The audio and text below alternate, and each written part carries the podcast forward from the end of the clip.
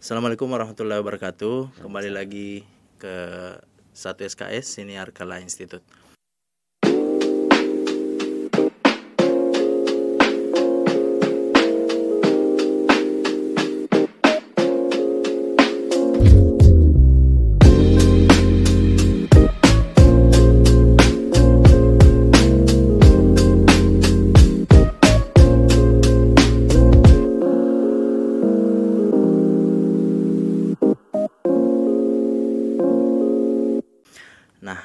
Sekarang spesial edisi eh, kita kedatangan salah satu co-founder yang eh, istilahnya sudah startup nasional lah dalam lingkupnya. Oke, eh, saya kenalkan, mari kita sambut Mas Wilson Yana Prasetya. Thank you. Mas Wilson. Mas Wilson aja ya panggilannya. Iya, heeh. Eh, Mas Wilson boleh eh, kenalan dulu nggak nih sama pemirsa satu SKS ini podcast Oke. podcastnya namanya satu SKS Mhm.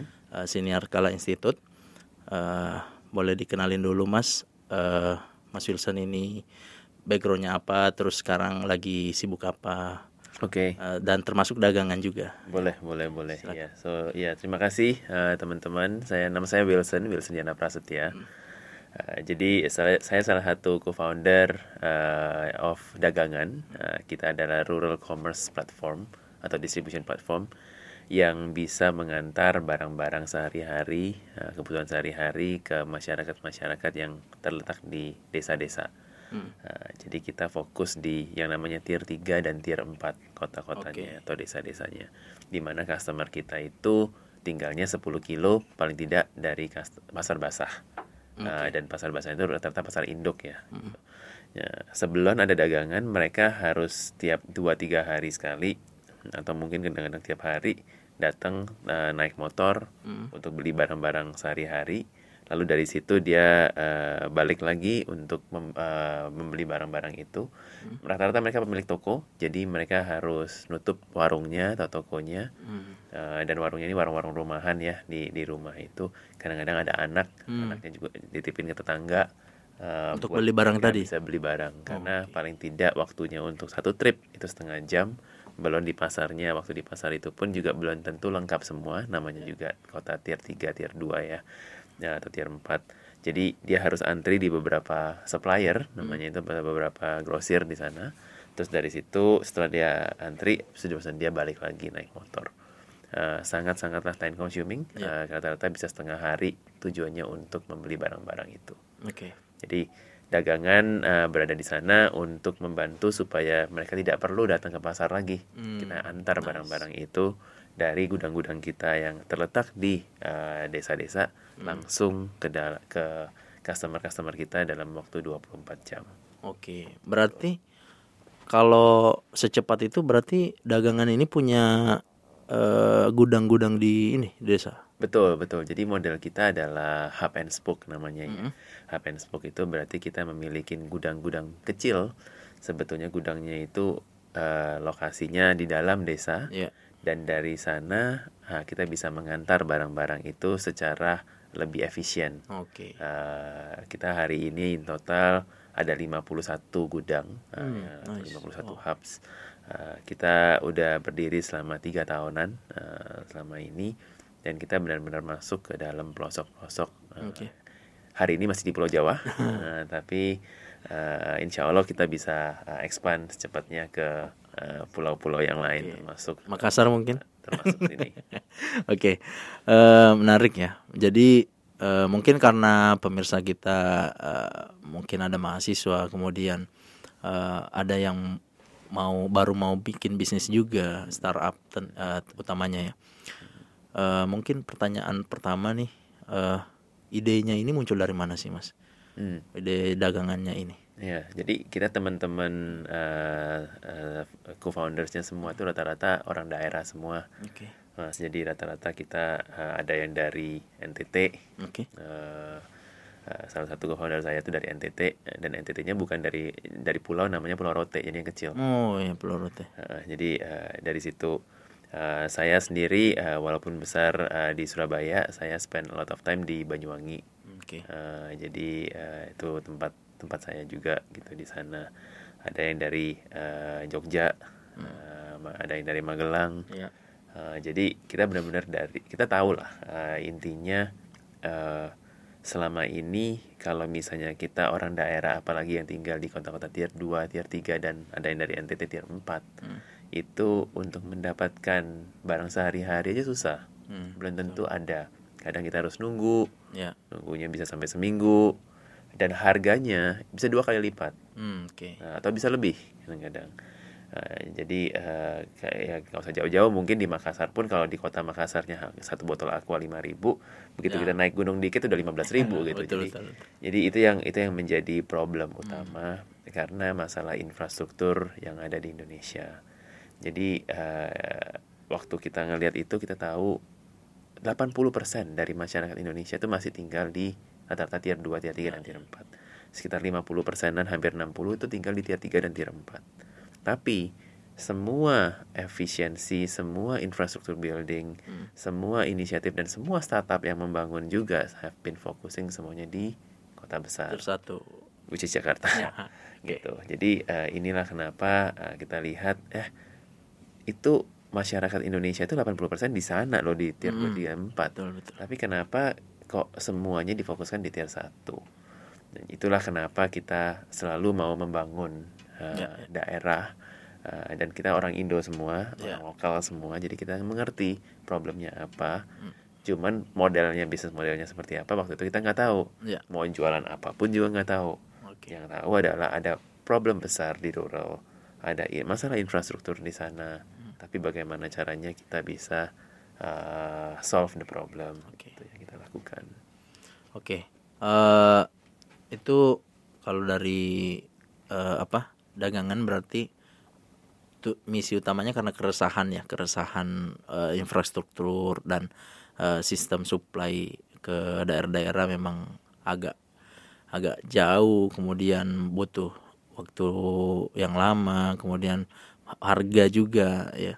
Nah, eh, terus kendalanya apa sih, Mas, eh, saat mencoba mengembangkan startup ini di awal-awal? Kendalanya, jadi kita pas mulai itu pas akhir 2019. Ya. Nah, terus uh, kita semua bootstrap, jadi kita semua modal sendiri, kita masuk uh, dan kita mencoba untuk menjalankan uh, produk ini.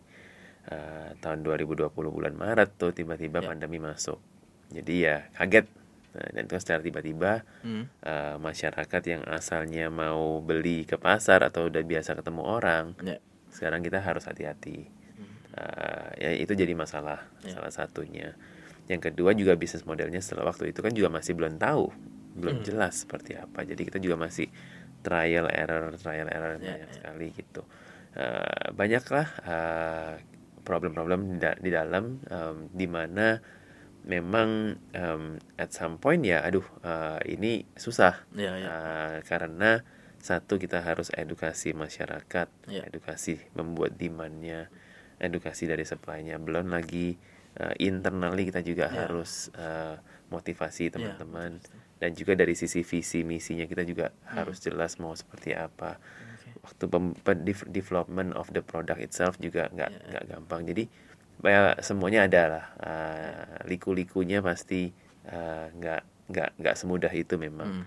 Uh, cuman kita yakin uh, ada added value yang sebetulnya kalau kita bisa solve Ya. dari sisi infrastruktur tadi da- di mana kita bisa fokus di tier 3 dan tier 4 di mana kita bisa deliver ada dalam 24 jam Hmm. dan make sure barangnya itu nggak sold out Oke. pasti orang kebantu Oke. jadi ya dengan misi itu uh, kita tetap jalan Oke. Gitu.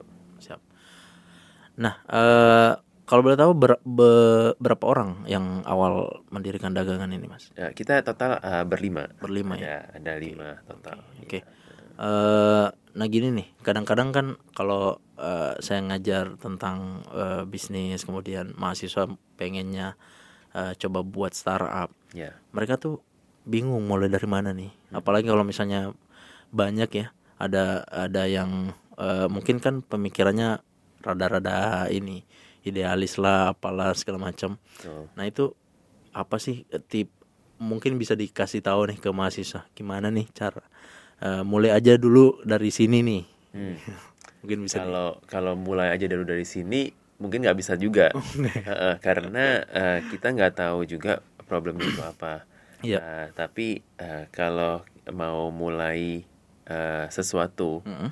eh, maksudnya kalau misalnya kita mau menjadi startup founder, ya ya startup founder itu bukan sesuatu yang oh saya mau nanti cita-citanya jadi startup founder. betul Itu itu nggak bisa. oke Uh, uh, yang ada adalah uh, dari sisi values of the Hmm. person. Jadi uh, value of orangnya sendiri itu apa sih yang kepingin dilakukan.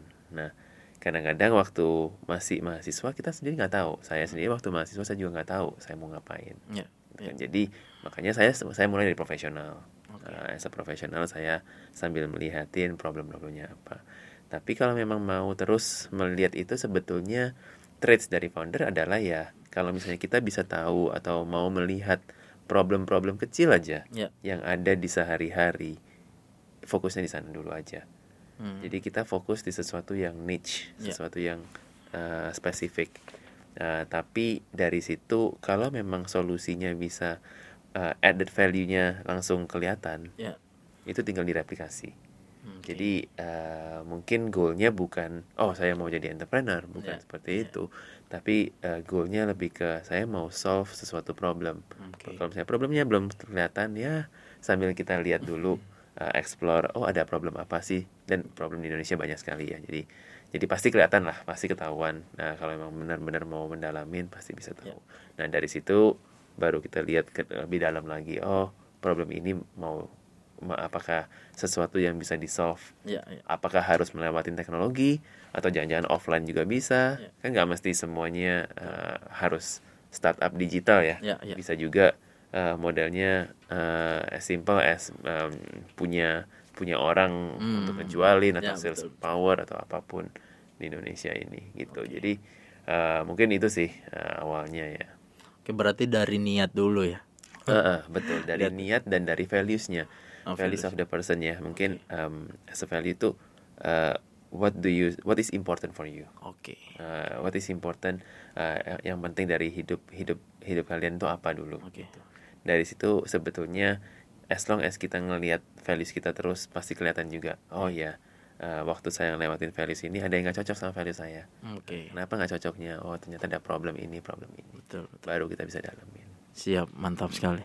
Nah ini mungkin pertanyaan terakhir karena saya tahu Mas Wilson ini eh, apa jadwalnya padat sekali Ya juga. dan kayaknya harus eh, hari ini udah mau terbang ke ini lagi Iya, ya, meninggalkan Makassar. Oke. Heeh, Eh, pertanyaan terakhir Mas, skill apa sih yang eh, sekarang ini wajib dimiliki mahasiswa ya tentu eh, apa khususnya karena kita ini di kampus Mm-mm. eh, supaya nanti untuk mempersiapkan membangun startup ataupun menjadi seorang leader Ya. eh, co-founder itu skill apa sih yang wajib dimiliki? Mm-mm. Eh, ada beberapa, eh, tapi kalau saya harus pilih pilih tiga ya, mungkin eh, nomor satu, eh, nomor satu eh, itu adalah integrity, integritas.